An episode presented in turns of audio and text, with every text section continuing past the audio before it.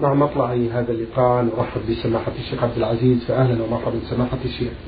حياكم الله وبارك فيكم. وفيكم على بركة الله نبدأ هذا اللقاء من الرياض يقول ما معنى حديث بأن أناسا من أمتي يقادون إلى الجنة بالسلاسل؟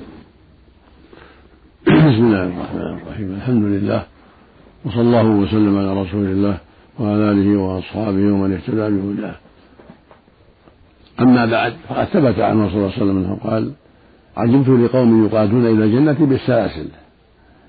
معناه أنهم يؤسرون في الجهاد ثم يسلمون ويدخلون الجنة. كانوا كفارا ثم أسروا ثم من الله عليهم بالإسلام ودخلوا في الإسلام وصاروا من أهل الجنة. وإن منكم إلا واردها.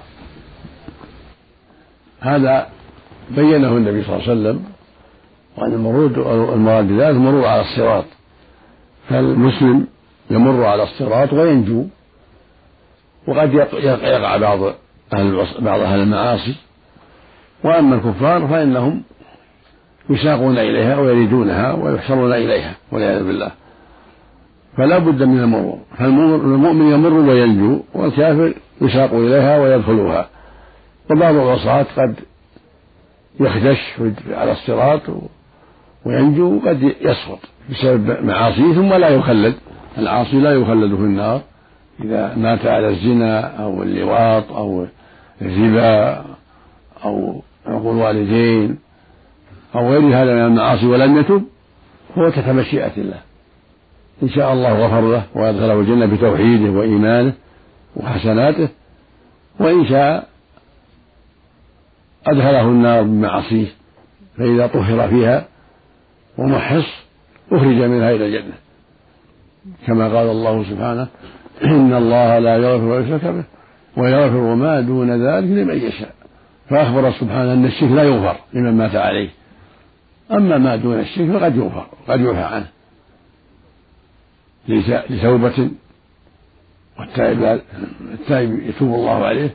وقد يعفى عنه حسنات كثيرة وأعمال صالحة قدمها أو بشفاعة بعض الشفعاء كما تواترت الأخبار عن الرسول صلى الله عليه وسلم أنه يشفع في جماعة من العصاة فيخرجهم الله من النار وهكذا يشفع غيره.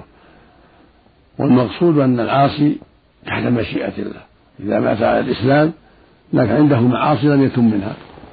وهو تحت مشيئة الله عز وجل. إن شاء غفر الله له وأدخله الجنة وإن شاء عذبه. على قدر معاصيه ثم يخرجه الله من النار. بشفاعة بعض الشفعاء أو بمجرد رحمته سبحانه وتوجوده جل وعلا. نعم.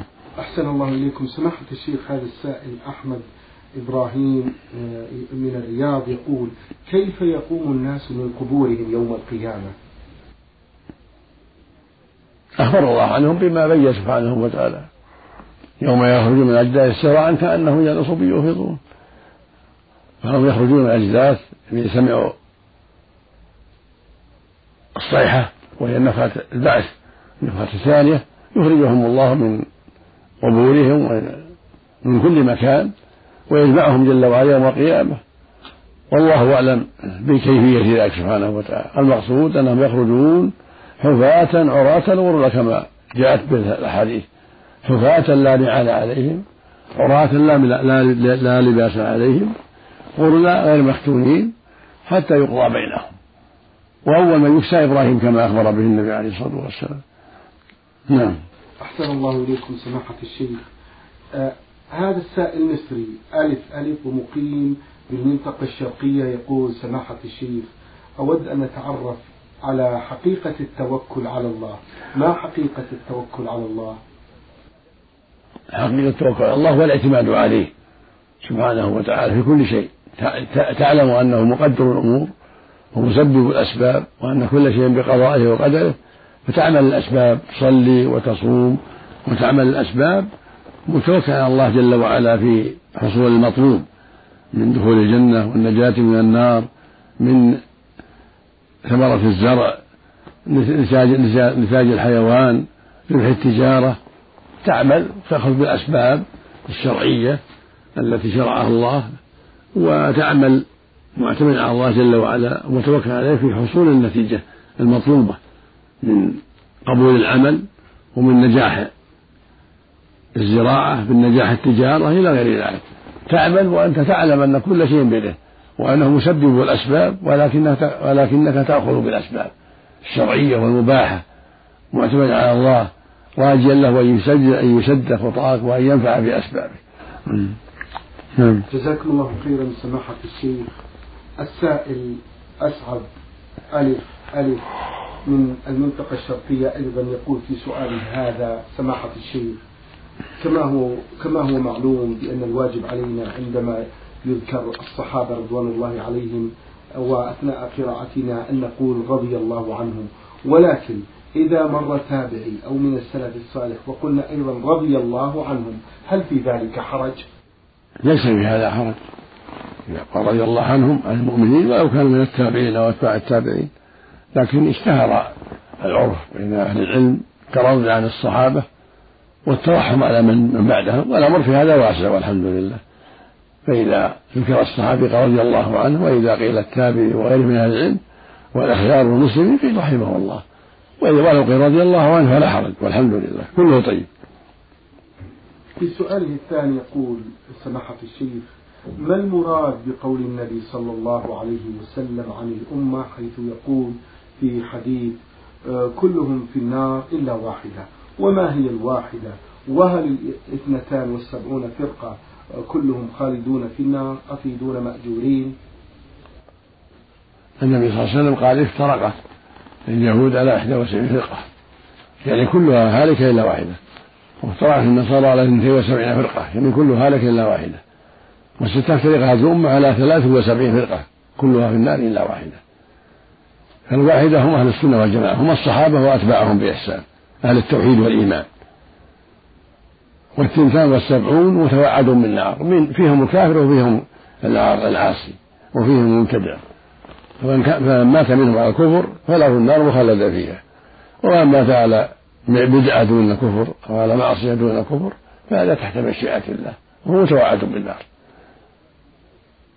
وبهذا يعلم أنهم ليسوا كلهم كفار بل فيهم الكافر وفيهم غيره. من العصاة والمبتدعة نعم. أحسن الله إليكم سماحة الشيخ. هذه السائلة ميم دال تقول ما حكم لبس الخاتم آه، في السبابة اليمنى واليسرى بالنسبة للرجل والمرأة؟ ما أعلم بهذا شيء لا أعلم بهذا شيئا. أقول لا أعلم بهذا بأسا. المرأة تلبس خواتم في جميع أصابعها والرجل يلبس الخنصر والبنصر كما كان النبي صلى الله عليه وسلم. في الخنصر أو البنصر. أحسن الله إليكم. سماحة الشيخ السائل. لأن المرأة نعم. التخطم من زينتها ومن حليها. وأما الرجل فلا بأس أن يلبس الخاتم في خنصره أو بنصره نعم. أحسن الله. لما جاء من أدلة في ذلك. نعم. جزاكم الله خيرا. المضمضة والاستنشاق. هل تكون في آن واحد أم كل على حدة؟ السنة جميعا. يتمضمض ويستنشق في غرفة واحدة. هذا هو السنة في غرفة واحدة. كان النبي يستنشق يتمضمض ويستنشق في غرفة واحدة ثلاث مرات. وإن أخذ لكل لكل غرفة للمرأة غرفة وللسنين غرفة فلا حرج. فتاة تؤدي أمورها الشرعية والحمد لله تقول تقدم لخطبتها رجل يصلي الفروض في أوقاتها في المسجد لكنه يشرب الشيشة وهي محتارة فهي تستفتي منكم في هذا وتريد آه، نصيحتكم سماحة الشيخ. شرب الشيشة معصية. لا تمنع من الزواج. إذا تيسر من هو أفضل منه فهو أطيب. إذا تيسر من لا يظهر من المعاصي فهو أطيب وأحسن. وإذا تزوجت من عنده بعض المعاصي فلا حرج. لكن إذا تيسر لها من هو معروف بالخير والاستقامة والستر وعدم المعصية فهو أولى وأفضل. جزاكم الله خيرا سماحة الشيخ. السائل الذي رمز لاسمه بألف ألف يقول هل يجوز الصرف عن المساجد وذلك لترميمها وفرشها الفرش الطيب ونحو ذلك وذلك من الزكاة؟ هل هل يقول هل يجوز أن أصرف على المسجد لترميمه وفرشه فرشا حسنا ونحو ذلك وذلك من الزكاة؟ المساجد ليست من مصارف الزكاة لا بناؤها ولا فرشها. مصارف الزكاة وضحها الرب جل وعلا في قوله سبحانه إنما الصدقات للفقراء والمساكين والعاملين عليها والمؤلف قلوبهم والغارمين وفي سبيل الله وفي الرقاب والغارمين وفي سبيل الله ومن السبيل. فليست المساجد من مصارف الزكاة. لا بناء ولا فرشا ولا غير ذلك. وفي سبيل الله يعني الجهاد. فلا فالزكاة لا تصرف في المساجد لا في تعميرها ولا في فرشها. نعم. أحسن الله إليكم سماحة الشيخ. السائلة آه، في هذا السؤال شين ميم ألف تقول بأنها امرأة ذات عيال عددهم سبعة وتأخذ في هذه الفترة مانع الحمل لكي تستريح من التعب والإرهاق في فترة الحمل لكن الزوج يصر على عدم أخذها بهذا المانع. وقد استمر أعد أعد أعد تقول السائلة شين ميم ألف تقول بأنها امرأة ذات عيال عددهم سبعة وهي تأخذ في هذه الفترة مانع الحمل لكي تستريح من التعب والإرهاق. ولكن الزوج يصر على عدم أخذها لمانع الحمل وقد استمرت في أخذ مانع الحمل دون علمه. هل يجوز لها ذلك؟ إذا كان عليها مشقة كبيرة فلا حرج وإلا فالأفضل والأحوط عدم ذلك لأن النسل كل ما فهو مطلوب تكثير الأمة ولها أجر كبير في ذلك. إذا أحسنت التربية هي والزوج لهم أجر كبير. النبي عليه السلام يقول تزوجوا الولود الولود فإني مكافر بكم يوم القيامة. فإذا تيسر الصبر على ذلك والقوة ففيه خير عظيم من تكثير الأمة وحصول الأولاد الذين ينفع ينفعون والديهم إن شاء الله إذا صلحوا. فالحاصل أن إذا كان في مشقة كبيرة فلا حرج. نعم. أحسن الله إليكم. هذا السائل إبراهيم ألف ألف من المعهد الحل... من المعهد العلمي بالحوطة يقول سماحة الشيخ ما هو مذهب أهل السنة والجماعة في العلو؟ مذهب أهل السنة والجماعة الإيمان بعلو الله وأنه سبحانه فوق العرش فوق جميع الخلق. كما قال جل وعلا فالحكم لله العلي الكبير. قال جل وعلا ولا يؤوده حفظهما وهو العلي العظيم. قال سبحانه إن ربكم الله الذي خلق السماوات والأرض في ستة أيام ثم استوى العرش. قال سبحانه الرحمن وعلى العرش استوى. قال جل وعلا إليه يصعد الكلم الطيب والعمل الصالح يرفعه. والآيات في هذا معنى كثيرة. أهل السنة يؤمنون إيمانا قطعيا بأنه سبحانه في العلو فوق العرش فوق جميع الخلق. ليس بينهم خلاف في هذا والحمد لله. نعم. أحسن الله إليكم. السائل حمدي مصري ومقيم بالرياض يقول سماحة الشيخ لماذا شرع الجهر بالتلاوة في صلاة المغرب والعشاء والفجر دون بقية الفرائض وما الدليل على ذلك؟ أعد يقول لماذا شرع الجهر بالتلاوة في صلاة المغرب والعشاء والفجر دون بقية الفرائض وما الدليل مأجورين؟ الله أعلم. لكن يغلب على الظن والله أعلم أن هذه الأوقات يكون فيها الاستماع متيسرا والفهم المغرب والعشاء والفجر فيستمع فينتفع المؤمنون بالقراءة بخلاف الظهر والعصر فإنها أوقات المشاغل بالحاجات الدنيا قد لا يكون عندهم من الاستماع والإنصات والفهم ما عندهم في المغرب والعشاء والفجر. فمن حكمة الله أن جعل القراءة سرية حتى يتأمل هذا ويتأمل هذا. الإمام يقرأ ويتأمل والمأموم كذلك.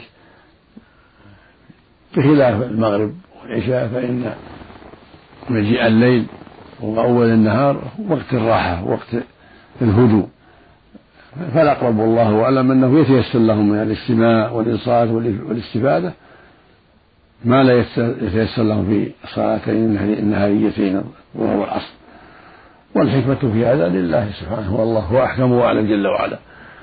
هو الحكيم العليم سبحانه وتعالى في ذلك.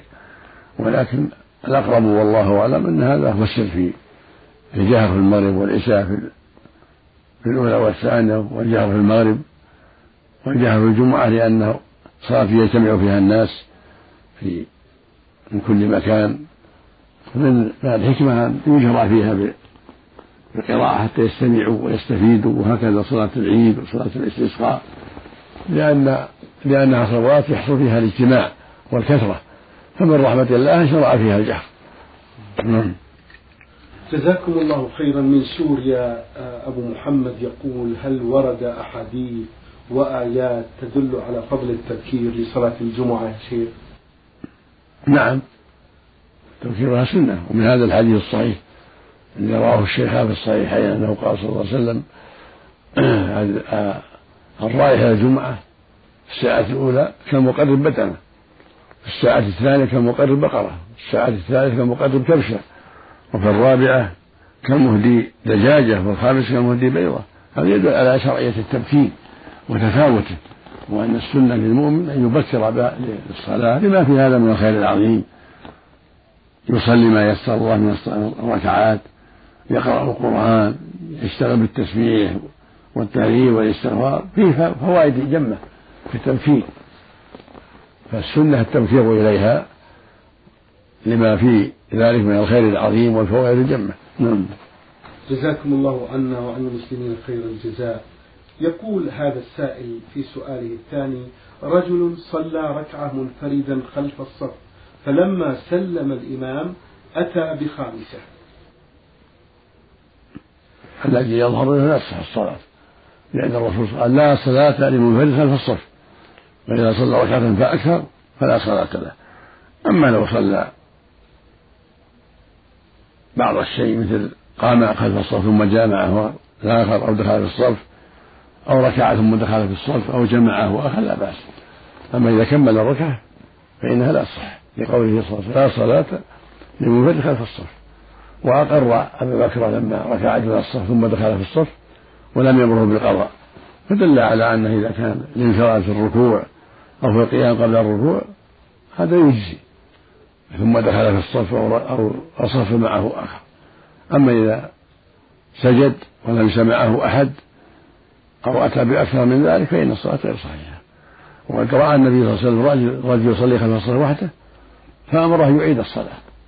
وقال لا صلاة لمنفرد الصف اللهم صل عليه وسلم اللهم صل وسلم وزد وبارك على نبينا وحبيبنا جزاكم الله خيرا سماحة الشيخ.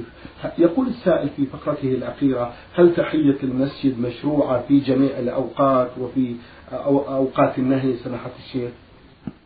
نعم. تحية المسجد مشروعة في جميع الأوقات لأنها من ذوات الأسباب. فإذا دخل المسجد بعد العصر ليجلس حتى ينتظر المغرب. أو للدروس أو لأسباب أخرى يصلي تحية المسجد. وهكذا لو جاء بعد الفجر يصلي تحية المسجد لأنه من ذوات الأسباب. النبي صلى الله عليه وسلم يقول إذا دخل أحد المسجد فلا يجلس حتى يصلي ركعتين فإذا ضرح فليركع ركعتين قبل أن يجلس. وهكذا لو كسفت الشمس بعد العصر صلي لها نعم لأن هذا لأنها من ذوات من ذوات الأسباب. هكذا لو طاف في طاف الكعبة بعد العصر أو بعد الفجر فإنه يصلي ركعتين. لقوله صلى الله عليه وسلم لا ت... يا بني عبد مناف لا تمنعوا أحدا طاف بهذا البيت وصلى أية ساعة شاء من ليل ونهار أحسن الله إليكم سماحة الشيخ أختنا السائلة عين دال ألف بعثت بثلاثة أسئلة. تقول في السؤال الأول بالنسبة لقراءة القرآن أثناء القيام بأعمال البيت هل يجوز لها هذا سماحة الشيخ؟ ما أعلم بأسا كونها تعمل وتقرأ في المطبخ أو في بقية البيت في حاجة حاجاتها تقرأ وتعمل لا حرج. إلا في محل الحمام في محل القدر لا. حمام لا. لكن في المحلات السليمة كالمطبخ كالمجلس لا بأس أن تقرأ وتعمل في حاجاتها نعم. جزاكم الله خيرا. إذا زارت المرأة مدينة الرسول صلى الله عليه وسلم فمرت بشهداء أحد وأهل البقيع علما بأنها لم تدخل إلى القبور بل من خلف الشبك الموجود. وتردد الدعاء الوارد وعند زيارة القبور هل يجوز لها ذلك؟ ظاهر الأحاديث منع لأن ممنوع من زيارة القبور. وهذا يشبه الزيارة وسيلة إلى الزيارة. فلا إذا مرت على القبور لا تسلم عليه في قوله ما جاء في الحديث أن الرسول لعن زائرات القبور فالاحتياط لها لا تسلم عليهم قد تسمى زيارة. فالأفضل والأحوط ألا تسلم عليهم وإن كان مرورا كما أنه لا يجوز أن تقصد الزيارة إنما هذا للرجال. نعم. أحسن الله إليكم. في آخر أسئلة هذه السائلة تقول سماحة الشيخ أنا أحب معلمتي تذكر بأنها تقول السائلة أنا أحب معلمتي في الله وفي نهاية الدراسة أهديت لها هدية من باب التآلف والمحبة بيننا هل يجوز لي هذا؟ ترك الهدية أحوط لأنه قد يسبب الميل إليك دون بقية التلميذات ترك الهدية أولى وأحوط لأن المدرسة من العمال ولا تنبغي الهدية للعمال فالأحوط لك والذي ينبغي ألا تؤتي شيئا؟ لأن هذا هذه الهدية قد تسبب ميلا من المدرسة إليك وحيفا على البقية بسبب الهدية. فالأحوط والذي يظهر من الأدلة عدم الهدية للمدرسات والمدرسين. جزاكم الله خيرا. هذا السائل لم يذكر الاسم في هذه الرسالة. يقول سماحة الشيخ لي أولاد أخ من أبي غير شقيق آه، هل يجوز أن أصرف لهم الزكاة آه، من باب أولى لك فأولى؟ وهل يجوز أن أعمل لهم راتب شهري من هذه الزكاة؟ وليس دفعة واحدة أي على مدار العام؟ أفيدونا سماحة يقول لي أولاد أخ من أبي غير شقيق هل يجوز أن أصرف لهم الزكاة؟ آه، وهل يجوز أن أعمل لهم راتب شهري من هذه الزكاة؟ وليس دفعة واحدة أي على مدار العام مأجورين. إذا كانوا فقراء فلا بأس. وليسوا في حضانتك ليسوا في عيالك بل هم مستقلون وهم فقراء. لا منع أن يعطوا من الزكاة. أما ترتيبها لهم فلا بأس إذا كانت معجلة. أما تأخيرها لا. الواجب البدار بصرف الزكاة. لكن إذا كانت معجلة تعجلها لهم قبل وقتها فلا بأس. أما التأخير لا بل متى حال الحول وجب صرف الزكاة فيهم وفي غيرهم من المستحقين الزكاة وعدم تأجيلها. أحسن الله إليكم. في سؤاله الثاني يقول هذا السائل سماحة الشيخ تنقسم حياة الإنسان إلى ثلاثة حياة الدنيا وهي التي نعيشها حياة الآخرة وهي معروفة بين الحياة الدنيا وبين الآخرة حياة البرزخ. فما هي حياة البرزخ؟ وهل الإنسان يكون بجسده وروحه فيها؟ السائل رامين صاد من الكويت يقول تنقسم حياة الإنسان إلى ثلاثة. حياة الدنيا وهي التي نعيشها. حياة الآخرة معروفة. بين الحياة الدنيا وبين الآخرة حياة البرزخ. فما هي حياة البرزخ؟ وهل الإنسان يكون بجسده وروحه فيها؟ حياة البرزخ على حسب حياته في الدنيا. المؤمن ينعم في البرزخ وروحه في الجنة وجسده يناله بعض النعيم والكافر روحه تعرض على النار ويناله نصيبه من العذاب وينال الجسد نصيبه من العذاب. هذه حال البرزخ. المؤمن في سعادة ونعيم. وأخبر النبي صلى الله عليه وسلم أرواح المؤمن في الجنة تسرح في الجنة حيث شاءت. وأما الكفار فمن ما أخبر الله عن علي فرعون. النار يرون عليها غدوا وعشيا ويوم تقوم الساعة أدخلوا ولا فرعون أشد العذاب. الكفار أرواحهم معذبة وأجسادهم ينالها نصيبها من من العذاب حتى يبعث الله الجميع. ثم تصير أرواح المؤمنين إلى الجنة وأرواح الكفار إلى النار. نسأل الله العافية. مخلدا فيها. هؤلاء مخلدون في الجنة وهؤلاء مخلدون في النار. نسأل الله العافية. نعم. أحسن الله إليكم سماحة الشيخ وبارك فيكم. هذا أم عبد العزيز من الرياض لها مجموعة الحقيقة من الأسئلة. تقول كم الوقت يا سماحة الشيخ الذي يجب أن يفصل بين الحج والحج وبين العمرة والعمرة الأخرى؟ مأجورين. ما أعلم يا الحج. الحج معروف كل سنة. وليس ليس في حد محدود. لو تيسر الحج كل سنة الحمد لله. والعمرة ليس في حد محدود. يقول صلى الله عليه وسلم العمرة إلى العمرة كفارة لما بينهما. والحج المبرور ليس له جزاء إلا الجنة. فإذا اعتبر كل شهر أو كل شهرين أو أكثر أو أقل لا حرج في ذلك. والحمد لله. إذا تيسر له ذلك. أحسن الله إليكم. أم عبد العزيز سماحة الشيخ في سؤالها هذا كتبته بأسلوبها الخاص. تقول بأنها اعتمرت لوالدها المتوفى وفي نهاية العمرة نسيت أن تقصر من شعرها. ثم قامت مباشرة بالطواف لأختها أي أخذت سبع لها وتقول أختي مقيمة في الرياض وزوجها قام بمنعها من العمرة. هل آه، يجوز لي هذا؟ طيب تقول السائلة اعتمرت لوالدي المتوفى وفي نهاية العمرة نسيت أن أقصر من شعري. ثم قمت مباشرة بالطواف لأختي أي أخذت لها سبع كما نسميه وأختي هذه مقيمة في الرياض وقد منعها زوجها من العمرة ولا أعلم هل يستمر منعها آه، لها أم لا. فما حكم عملي هذا؟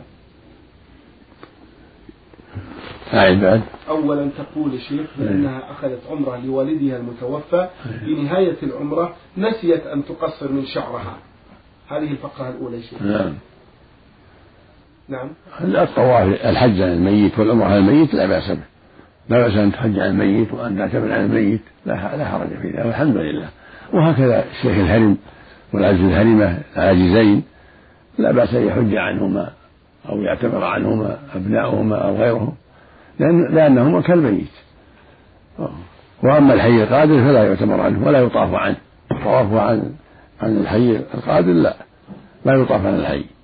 إنما يحج عنه ويعتمر. والميت كذلك إنما يحج عنه ويعتمر. أما الطواف كالصلاة لا يصلى عن زيد ولا يطاف عن زيد. ما نعلم دليل على هذا الشيء. لكن تطوف نفسها الإنسان يطوف نفسه والمرأة تطوف نفسها. أما أنها تطوف عن أمها أو أبيها أو تصلي عنهما هذا لا لا دليل عليه ولا يشرع. وأما إذا نسيت التقصير تقصر متى ذكرت. الحمد لله. ولو في بلدها ولو في الطريق. ولو فصل وقت طويل شيخ. ولو. متى ذكرت تقصر نية العمرة جزاكم الله عنا وعن المسلمين خير الجزاء. تقول السائلة ما حكم الحجاب عن المدرس الأعمى؟ الحجاب إنما يكون عن البصير. لقوله صلى الله عليه وسلم إنما جعل الاستئذان من أجل البصر. ولأنه صلى الله عليه وسلم أمر فاطمة بنت قيس لما طلقت أن تعتد عند ابن أم مكتوم. وكان رجل أمة قال تضعين ثيابك عنده فلا يراك. نعم. أحسن الله أما حديث أنه قال لزوجتين من زوجاته لما دخل ابن أم مكتوم أمرهما أن يحتجب عنه. وقال إن قالتا إنه أعمى. قال ألستما تبصران هو حديث ضعيف. والصواب أن الحجاب إنما يكون عن البصير. أما الأعمى فلا يحتجب عنه. نعم. أحسن الله إليكم. نختم هذا اللقاء سماحة الشيخ بهذا السؤال من أحمد ألف ألف. يقول آه، بالنسبة لبعض الشباب يضعون في السيارة المصحف وذلك خشية من العين. هذا لا أصل له. البدعة بل من جنس التميمة من جنس الحروس. ولكن يقرأ إذا يقول أعوذ بكلمات الله التامات من شر ما خلق. يسأل ربه العافية. أما وضع المصحف أو آيات من الحرز هذا لا أصل له. بل هذا من البدع وهذا من جنس تعليق التمائم لا يجوز. اللهم المستعان. لا حول ولا قوة لا حول ولا قوة شكر الله لكم سماحة الشيخ وبارك الله فيكم وفي علمكم ونفع بكم الإسلام والمسلمين. أيها الإخوة الأحباب أيها الإخوة المستمعون الكرام أجاب عن أسئلتكم سماحة الشيخ عبد العزيز بن عبد الله بن باز المفتي العام للمملكة العربية السعودية ورئيس هيئة كبار العلماء. شكر الله لسماحته على ما بين لنا في هذا اللقاء الطيب المبارك. وشكرا لكم أنتم. وإلى الملتقى إن شاء الله. والسلام عليكم ورحمة الله وبركاته.